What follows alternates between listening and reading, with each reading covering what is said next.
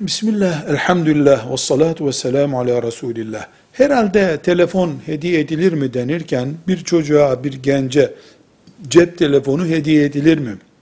Kastediliyor. Burada zannı galibimiz önemlidir. Zannı galip ne demek?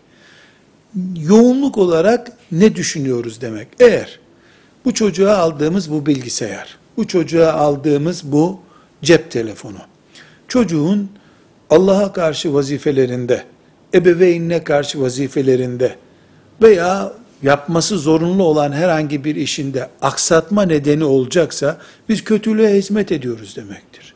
Zannı galibimize yani genel kanaatimizle bu çocuk bunun iletişim aracı olarak kullanır, ödevini yapmak için kullanır ama bu çocuk bununla bir kötülüğe tevessül büyük ihtimalle etmez diye düşünüyorsak hediye edebiliriz. Hiçbir sakıncası yok.